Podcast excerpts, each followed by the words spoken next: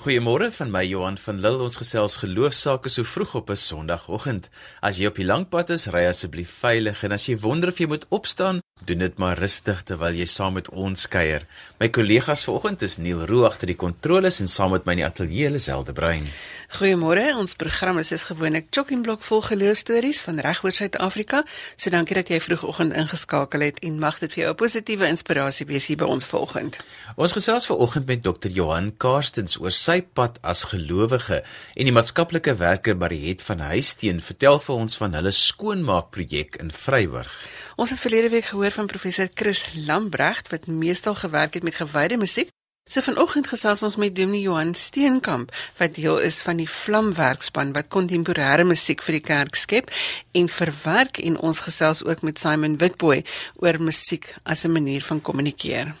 Natuurlik is Simon Witboy beter bekend as uh, Hemelbesem Lisel. Dit gaan ons bietjie later in die program uitvind. Jy kan saamgesels by 45770 teen R1.50 per SMS en dankie vir almal wat al reeds vir ons goeiemôre gesê het daar. Sit my jou naam by die SMS of dit nou 'n kompliment of 'n grommigheid is, ons hoor graag van jou.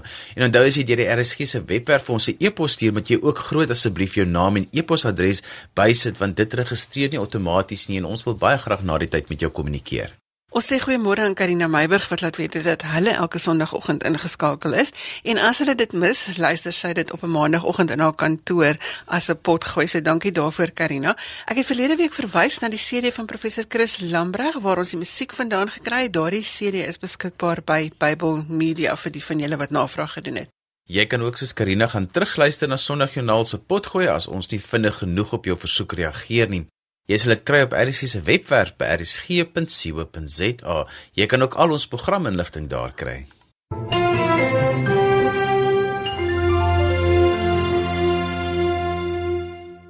Dr. Johan Karsens is direkteur van die Eie Opus Instituut en ons gesels vanoggend oor die veranderende wêreld. Goeiemôre Johan.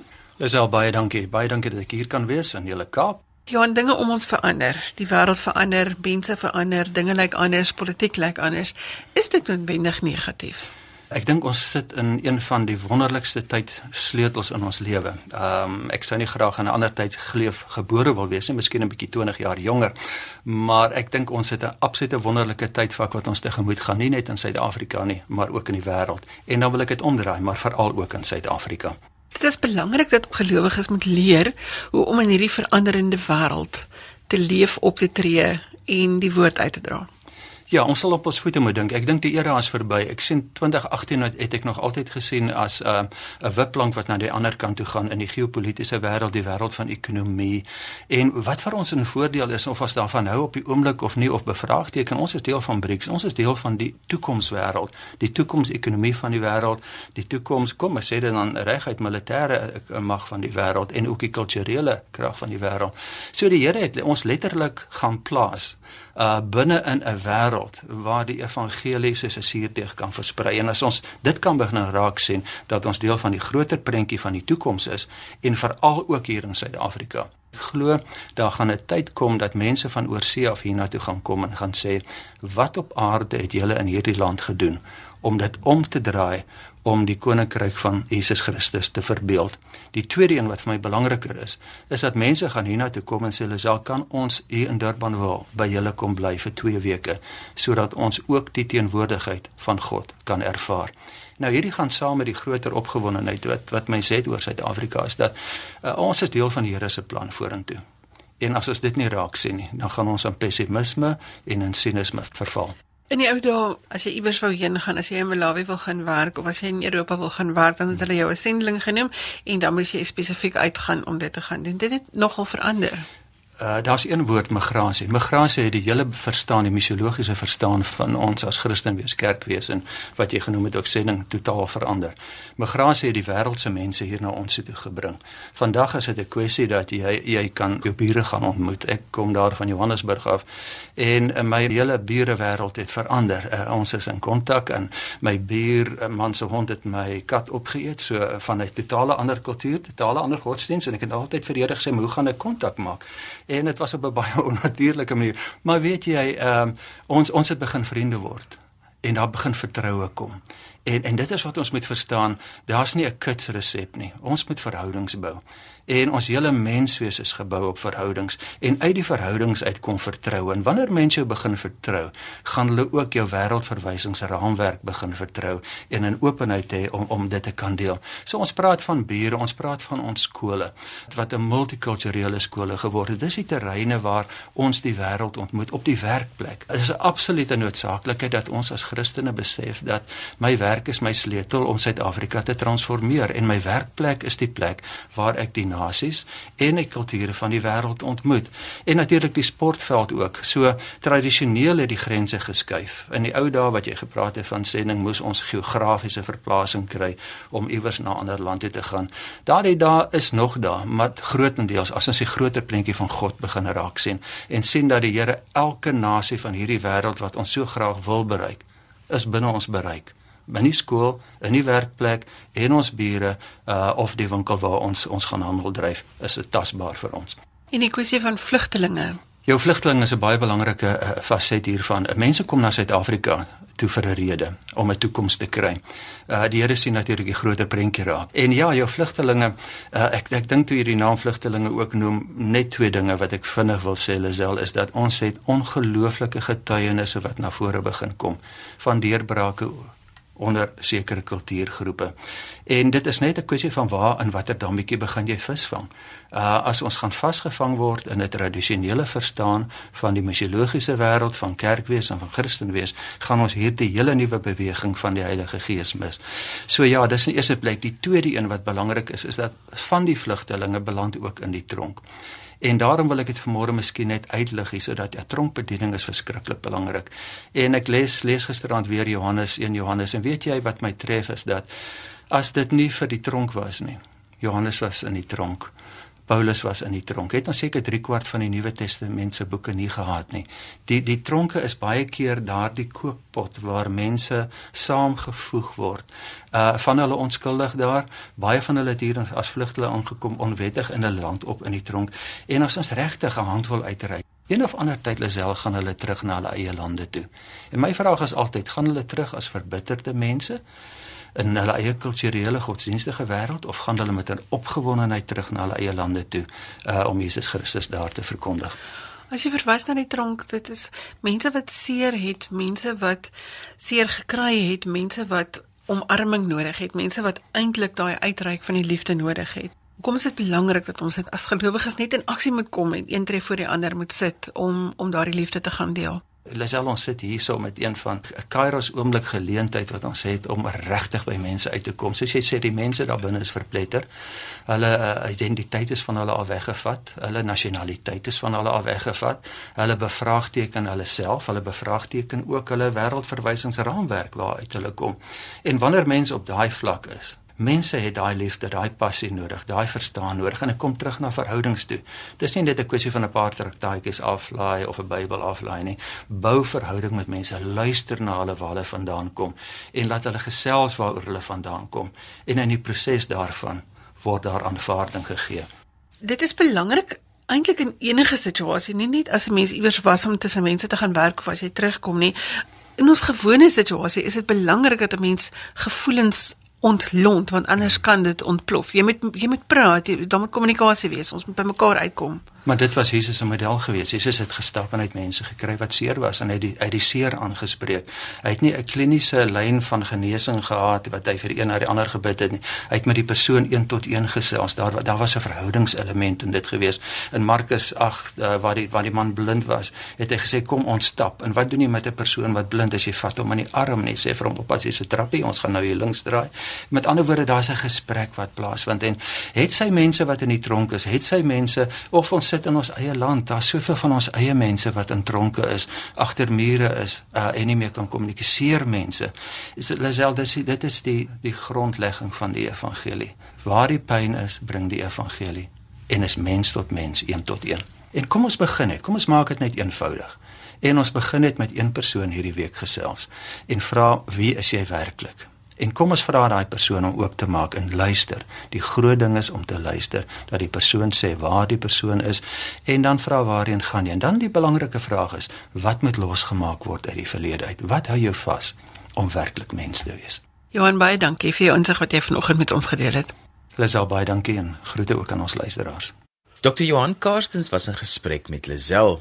'n Baie mooi storie van gelowiges in aksie kom uit Vryburg. Lisel gesels met Mariet van Huisteen. Die maatskaplike werker Mariet van Huisteen van Caritas in Vryburg het 'n probleem raak gesien en besluit om iets daaraan te doen. Sy gesels vanoggend met ons oor die oplossings. Goeiemôre Mariet. Goeiemôre Lisel. Mariet, wat was die dinge wat vir jou gepla het? Lisel, as maatskaplike werker werk mense natuurlik met verskillende maatskaplike probleme. Maar die een wat vir my uh, totaal en al uitgestaan het, was die geweldige armoede waarbinne die mense en die gesinne en die kinders geleef het. En dan het dit my nogal geplan te sien hoe vuil en hoe onnet is daai gemeenskappe. So ek het nou begin dink hoe op aarde kan ek as maatskaplike werker 'n gemeenskap ophef maar hy is nie eers trots oor die gemeenskap waarbinne hy leef nie omdat dit so vuil is. En toe het ek op die plan gekom dat ek gedink het miskien moet 'n mens dink aan iets soos 'n herwinningsprojek, maar wat ook terselfdertyd armoede verlig. En hoe het jy toe nou hierdie spreekwoordelike bil by die horings gepak om hierdie twee probleme bymekaar uit te bring en om die probleem op te los? Lisel, die gedagte was was dit om arm gemeenskappe te motiveer om hulle herwinbare rommel en goed in en om die huise bymekaar te begin maak en dit dan na ons kantoor toe te bring. So dan werk dit nou verder so as hy nou met sy met sy goedjies kom, hulle bring dit op kruiwaas en in stickersakke en op verskillende maniere. Dan word daai voorraad wat hulle bymekaar gemaak het, word dan geweeg. Partykeer is daar meer as een in 'n gesin wat aan die projek meemaak. So elkeen kry dan 'n kaartjie en hy verdien punte per kilogram vir die produkte wat hy dan vir ons inbring. Een keer 'n week kan hy sy punte kom omruil vir kos of skoonmaakmiddels of toiletware of skoolbenodighede. Ons het verder gegaan en ons het dan ook ons plaaslike besighede en ons kerklidmate begin betrek. Hulle skink dan nou vir ons hierdie voorraad en dit help ons nou weer sodat ons weer vir ons mense 'n bietjie meer kan gee as wat ons vir die produkte kry, sodat dit 'n groot verskil maak aan die een kant. Maar aan die ander kant help dit dan ook vir ons bietjie om fondse op te bou sodat ons die projek bietjie meer volhoubaar kan maak. So maar jy het nie net maak julle skoon en gee julle vir mense kos wat behoeftig is nie. Julle het ook 'n gemeenskap bymekaar getrek met hierdie projek want daar's nou veel meer mense wat daaraan saamwerk. Verseker ja. Dit is my stoutste verwagtinge oortref om te sien hoeveel mense betrokke geraak het maar ook spesifiek hoeveel mense meemaak aan die projek. Watter verskil maak dit in die gemeenskap? Ons het regtig in 'n kwessie van bietjie meer as 6 maande het ons reeds om en by 70 gesinne wat aktief meemaak aan die projek. So ons praat om om en by van 700 tot 1000 mense se lewens wat maandeliks aangeraak word. Verskil wat ons gemaak het wat dan nou spesifiek enkel ouers en uh, mense wat afhanklik is van kindertoelaat. Dit het hulle in staat gestel om met die puntestelsel dat hulle ekstra kos op hulle tafel kon sit en dat hulle beter vir hulle gesinne kon begin sorg. Dan het ons kindertjies wat aan die projek meemaak wat uit van funksionerende huishoudings kom waar die ouers maar alkohol misbruik en waar dit nie goed gaan nie en waar die ouers nie mooi vir hulle sorg nie. Hulle het die projek begin kop en um, dis pragtig om te sien hoe hulle voorraad bymekaar maak en en die, die punte verdien En dan kom hulle en hulle bring hulle hulle goedjies vir ons en die goedjies wat hulle nogal ruil vir hulle punte is my so kosbaar en dit is hulle ruil dit vir pap sodat hulle ietsie kan eet voor skool. Hulle ruil dit vir toiletware, vir skoolbenodighede. Dan ook die ons pensionaars en bejaardes wie se pensioene maar ontoereikend geword het hierdie uh, stelsel help vir hulle ook om hulle punte aan te vul of om hulle voorraad aan te vul sodat hulle 'n klein bietjie beter kan leef. By ons werklose mense het dit ook 'n verskil gemaak. Mense wat dalk geen hoop gehad het nie omdat Vryburg lyk nie anders as die ander gemeenskappe nie. Hier is ook maar 'n baie groot werkloosheid aanwesig. En hierdie mense kan met hierdie produkte wat hulle bymekaar maak in die strate, kan hulle ook vir hulle ietsie self koop en en weer 'n stukkie van menswaardigheid kry. So dit is hoofsaaklik die mense wat wat ons aangeraak het, maar intussen tyd vir interessantheid hou kan ek net vir julle sê dat die hoeveelheid punte wat die mense bymekaar maak is omtrent so 500, tussen 500 en 2000 punte per maand, die ouens wat nou hard werk. Nou as jy dit omreken en jy dink dat daar ewe skielik R500 of R2000 ekstra in 'n gesin beskikbaar is om kos te koop, dan maak dit nog 'n groot verskil. Ons het dan ook definitief wat ons ook 'n verskil gemaak het wat vir my uitgestaan het is dat ons mense begin leer het dat hulle ook iets vir hulle self kan doen. Dat hulle nie net bakkan staan nie en dat hulle gemotiveer is om herwinning te doen. En dan laastens natuurlik wat nie ons primêre doel was nie, maar wat eintlik 'n bonus is, is dat ons kon sien dat ons gemeenskappe al 'n bietjie begin skoner word. Ja, hier het nog 'n lang pad om te loop omdat dit oor jare iets is wat gevestig het van mense wat geleer het om net rond te gooi, maar ja, ons sien 'n verskil. Maar het as ek net laastens kan vra vir jou persoonlik, wat beteken dit vir jou geloofspad om by hierdie projek betrokke te wees? Jo, dis 'n belangrike vraag en dit sluit aan by die toekoms van die projek. Ek wil net vir jou sê dat ek dink die toekoms van die projek lê redelik in 'n weegskaal omdat ons maar net geld ontvang het vir 'n jaar, maar as ek sien die impak wat dit maak en ek weet dat ons het hierdie projek regtig in en uit geloof begin omdat ons 'n verskil wil maak in die gemeenskap. Wil ek vir jou sê ek is vol vertroue dat die Here regtig vir ons gaan voorsien soos wat hy in die begin voorsien het. En ja, dit is my verskriklik lekker om te sien dat die Here ook vir Caritas en vir my as maatskaplike werker gebruik om 'n verskil te maak in die gemeenskap. So ek ek voel net ons is bereid om hard te werk om nog meer mense te bekom om onthou ons oop vir skenkings en ander befondsings uh geleenthede. Maar baie dankie dat jy 'n stukkie van jou lewe wêreld met ons gedeel het vanoggend. Lidel baie baie dankie. Dit was 'n groot plesier en lekker dag vir jou ook. En so gesels Mariet van Huisteen en as jy sopas ingeskakel het, sê ons goeiemôre. Jy luister na Sondagjoernaal saam met Lisel en Johan en Niel is ons produksieregisseur. Gemaak gerus 'n draai op RSG se webblad by rsg.co.za vir kontakinligting oor ons gaste vandag as jy dalk meer van hulle wil weet of met hulle wil kontak maak. Ons musiek kom vanoggend van die album Brandstof 5 en ons gaan luister na Neem my lewe laat dit hier. Bly ingeskakel. Ons gesels net hierna juis met Dominee Johan Steenkamp wat deel is van die taakspan wat kerkmusiek 'n nuwe baadjie gee. Oh, oh,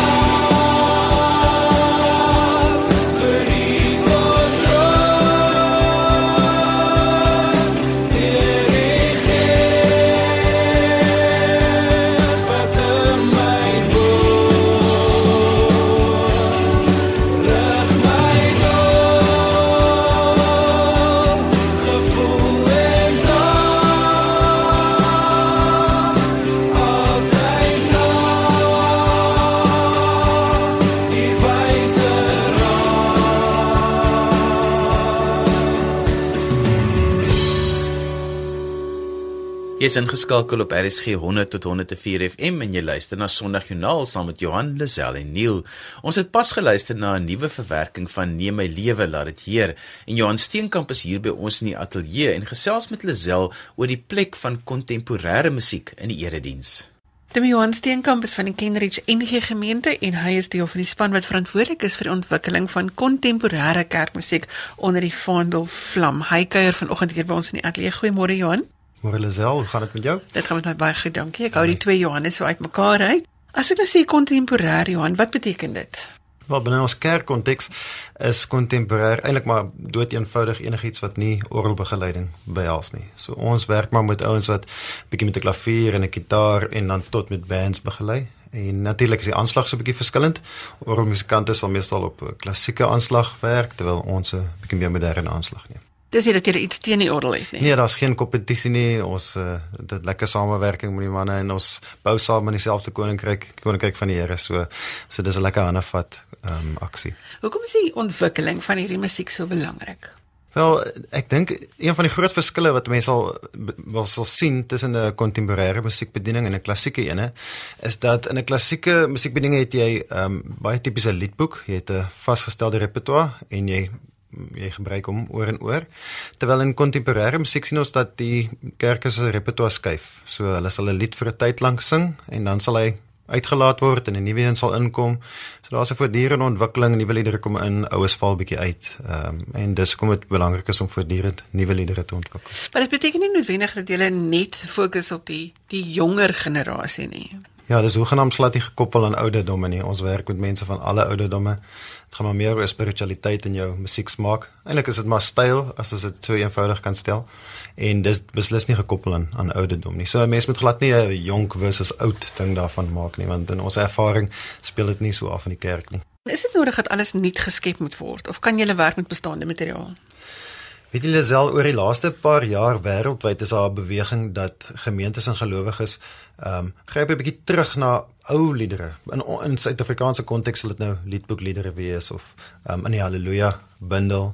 Ehm um, so ons ons verwerk 'n klomp van daai liedere, ons trek van 'n nuwe baadjie aan, 'n uh, lekker verwerking met gitare en dromme.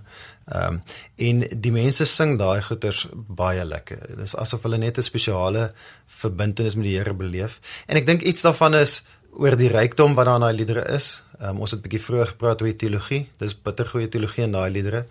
En ook die feit dat baie van ons het groot geword met ons. Dis amper in ons DNA van kleins af. So ons ken dit uit ons hart uit. So mense sing dit verskriklik lekker. Ehm um, en soos ek sê wêreldwyd is dit iets wat mense nogal sien. Ek was baie bevoorreg om om laas jaar 'n draai in Amerika te kon gaan maak het en ek was by 'n konferensie ehm um, the Doxology and Theology in Louisville. Ehm um, waar weet waar ek net gesê het internasionale kerk is besig om ou liedere te herskryf en en oor te doen.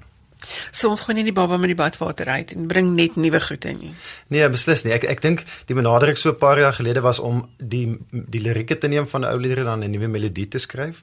Ehm um, wat baie goed gewerk het. Ehm um, ons probeer so ver as moontlik die ou melodie en die woorde bou. Partykeer verander ons die woordeskat want sommige van die woordeskat is al 'n bietjie argaïs en mense verstaan nie wat dit beteken nie. So dan sal ons 'n eenvoudiger, meer moderne woordjie gebruik.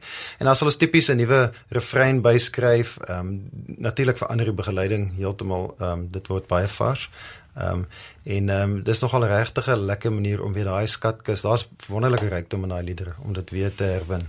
Johan, en wat maak nou van jou die man om op hierdie komitee te dien? Wat is jou agtergrond? Hoe hoe maak jy 'n musiek kontak? Nee, daar's niks spesiaal in my nie. Dis maar ongelukkig met baie genade laat ek daar is. Ehm um, ek sal hele tydjie besig met musiek en deur soos ek sê groot genade was ek al by 'n paar musiekbedieninge betrokke. Dit is my fantasties lekker. Ehm um, is my regte passie. As ons praat van musiek, Johan, hoekom is dit belangrik? Ons het nou gehoor Simon het nou gepraat oor kommunikasie, die oordra van musiek. Ek dink in die kontemporêre musiek gaan ons nou nie noodwendig uh, met aggressie oorkom nie, maar wat is die belangrikheid van daai kommunikasie wanneer jy hierdie musiek ontwikkel? Hoe jy daaroor dink? Ja, ek dink die natuurlike ding van musiek is dat ehm um, dis 'n emotiewe ding, dis iets wat op jou emosie speel. Dis nie altyd 'n kognitiewe ding nie. Ehm um, baie keer as jy na kerkdiens toe gaan, gaan jy 'n kognitiewe ervaring hê, jy moet baie dink. Ehm um, mense gaan vir jou goed leer wat fantasties is en baie belangrik is.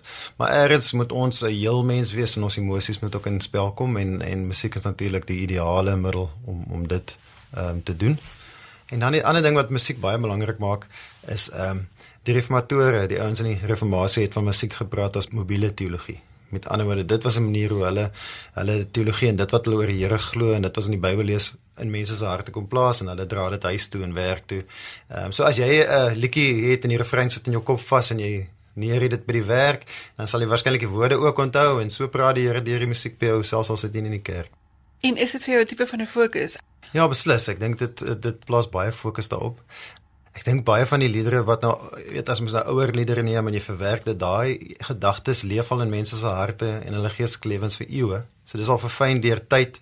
So dit wat ons uit ouer liedere kry wat verwerk word kontemporêr verwerk word is is amper 'n baie suiwer tipe as ek dit nou so kan noem. Dis nie dat daar onsuiwer ervaring van die Here is nie, maar dit is iets wat mense al deur deur dink het en deur leef het. By Vlam het ons 'n meditatiewe afdeling. So ons het basies vier afdelings waar een een fokus op meditatiewe musiek. So as ons praat van meditatief dan is daar 'n bepaalde styl musiek wat wat om daartoe leen.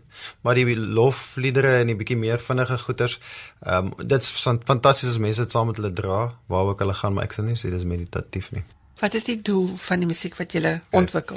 Dit is net een doel en dis om die Here te verheerlik en 'n sekondêre doel is dat mense saam met ons die Here kan um, verheerlik. So dis tot sy eer. Ehm um, en ek dink een van die groot kriteria vir 'n goeie kerklied is mense moet saam sing. Ehm um, dit gaan nie oor 'n orkes wat 'n performance lewer of enigiets nie.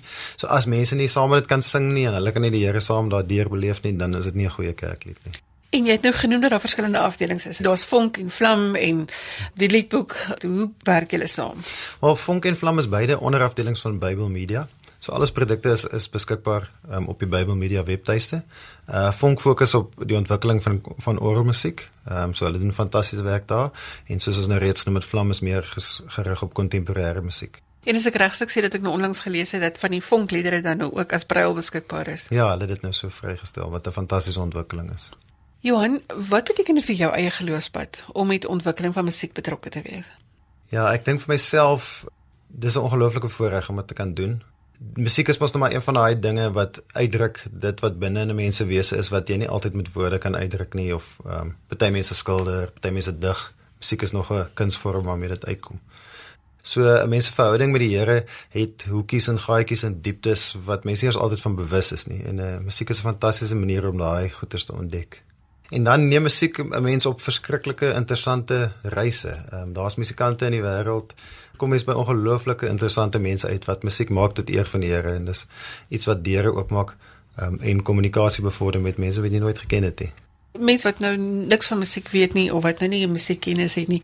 Wat sal jou boodskap vir hulle wees hoe om daardie musiek wat jy nou skep, hierdie kontemporêre musiek te gebruik in die erediens of selfs by die huis?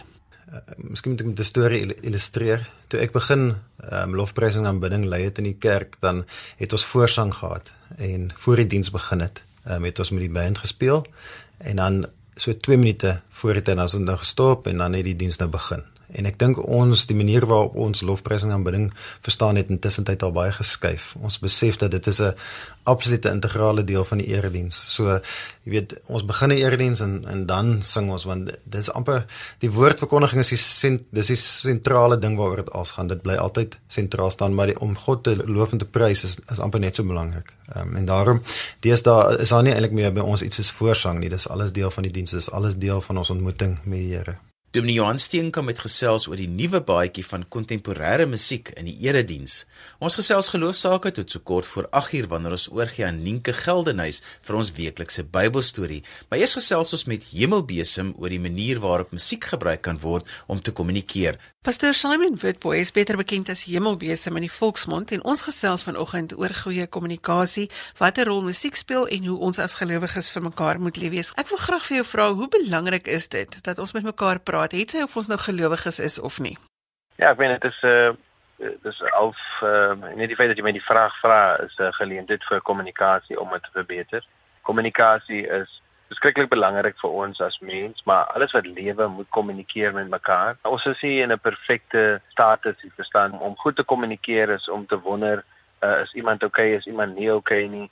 Ehm um, jy weet wat ons stel iemand wat ons stig iemand wat maak mense bly, wat maak mense nie bly nie. Dit help met brugbou en dit uh, help met versoening en aan die einde van die dag is dit tog wat verlang word van ons is uh, die bediening van versoening. En 'n mens kan net versoen as jy almal se status verstaan en 'n mens verstaan net status as dit gekommunikeer word. Ek sien nou as mense nou wel met mekaar kommunikeer, is hulle partykeer baie aggressief en dit is presies die teenoorgestelde wat mense eintlik wil doen. Mense wil 'n dialoog hê waar ons mekaar se stemme kan hoor en nie ons stemme op mekaar kan afdwing nie, is ek reg? Uh, jy is reg en verkeerd. Ehm um, kyk dit is belangrik dat as mens kyk na natuur.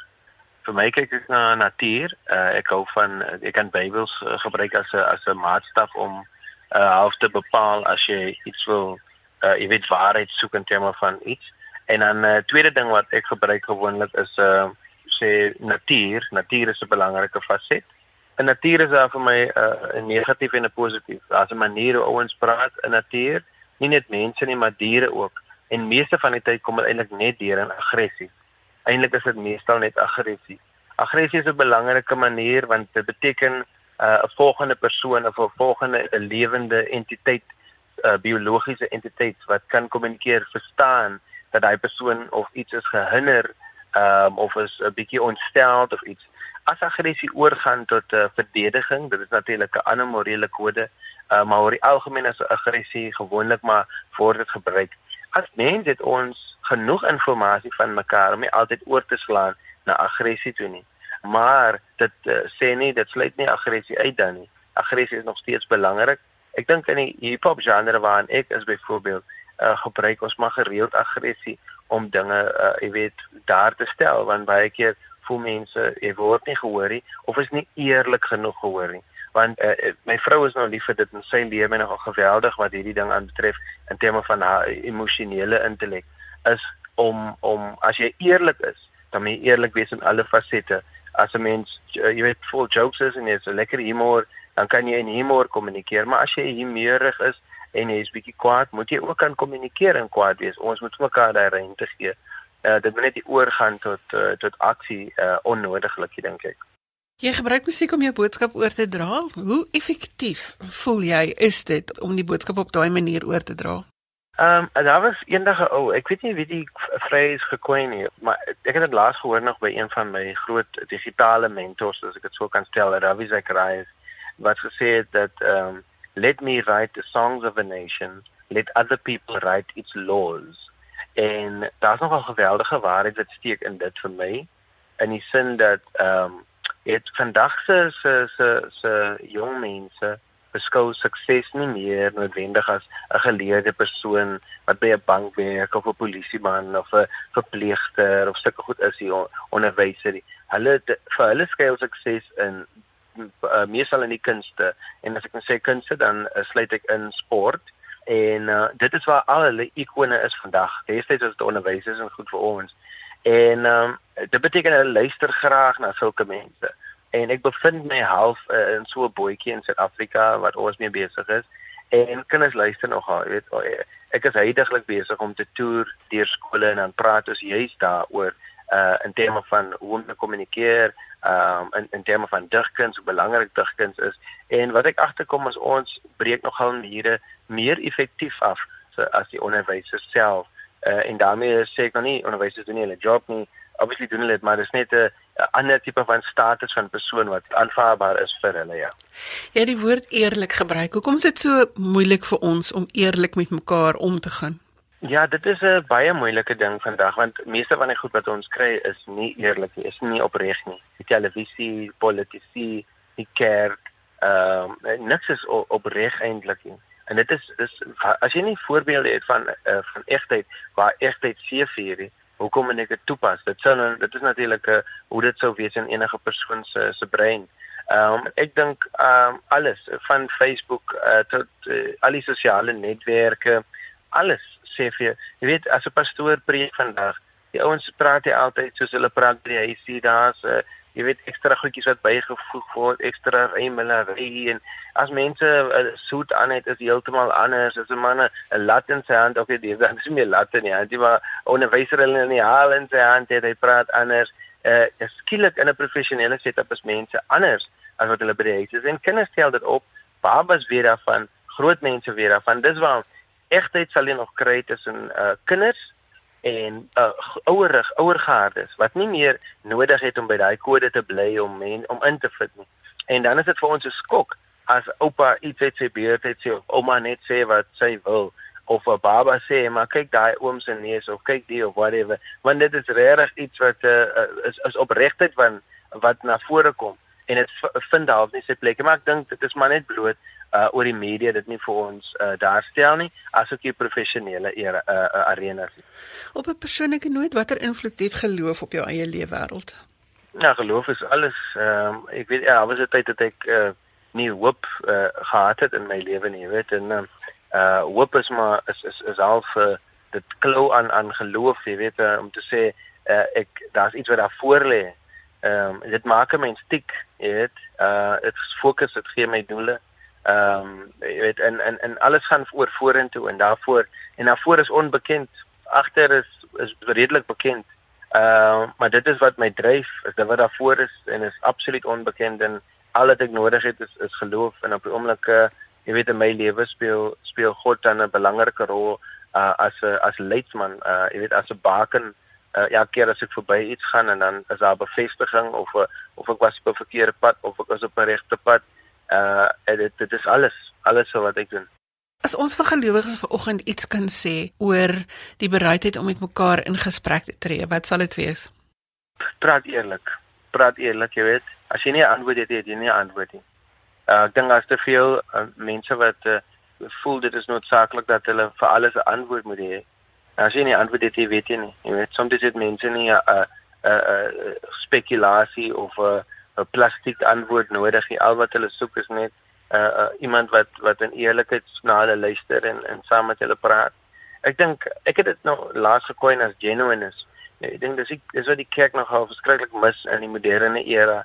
Dis net eerlikheid, dit is uh, uh iemand swanger is of iemand het 'n fout gemaak of iemand het daai kom ons wees happy, wees sad en ons gaan aan en uh, ons as jy smile smile opreg. Dit as iemand groet groet opreg. Ehm uh, uh, moenie moenie fake wees nie. Dan as jy kwaad is, as jy kwaad. Want almal die res van die wêreld verstaan dit. Dit is nie nodig om dit te fake nie. 'n Pastoor wat uh, nogal 'n groot invloed in my lewe gehad het, Terrence Europa, het eendag gesê dat 'n peerboom druk nie sy vrugte uit nie. En ek kan natuurlik is natuurlik uh, waarheid vir enige ander boom, maar uh, vrug van die gees moenie uitgedruk word. Jy kan dit nie bepaal en in 'n formuletjie sit en okay vanoggend staan ek so op en gaan met elke persoon smile, gaan vir elkeen iets gee nie dit moet natuurlik kom en uh, dit is uh, iets wat 'n mens net in oefening ehm um, kan kry as jy as jy jou daartoe stel om om te probeer om konstant eerlik te wees. Simon baie dankie vir die saamgesels vanoggend en dat jy jou insigte met ons gedeel het. Ja, so groot plesier, baie dankie. En met die stem daarvan Hemelbese moet ons aan die einde gekom van vanoggend se program. Onthou daar is heelwat programme op RSG wat jou sal geselskap hou hierdie dag. Skakel in om 05:30 vanmiddag wanneer ek weer agter die mikrofoon inskuif vir onderwys sake. Tot dan groet ek Johan van Dil en ek hoop jy 'n wonderlike Sondag. Soos gewoonlik kan jy vir my 'n e e-pos stuur met kommentaar of as jy 'n geloostorie met ons wil deel. My e-posadres is lazel@wwmedia.co.za. Of jy kan natuurlik ook vir ons 'n boodskap deur die webwerf stuur by rsg.co.za. Onthou dan nou ook soos wat ons nou ook 'n paar keer gevra het om jou kontakbesonderhede by te voeg, anders kan ek net lees en nie reageer nie. Tot volgende week groet ek namens produksieregisseur Neil Room. Onthou, maak 'n punt daarvan om uit te reik en vandag iemand se dag makliker te maak. Totsiens.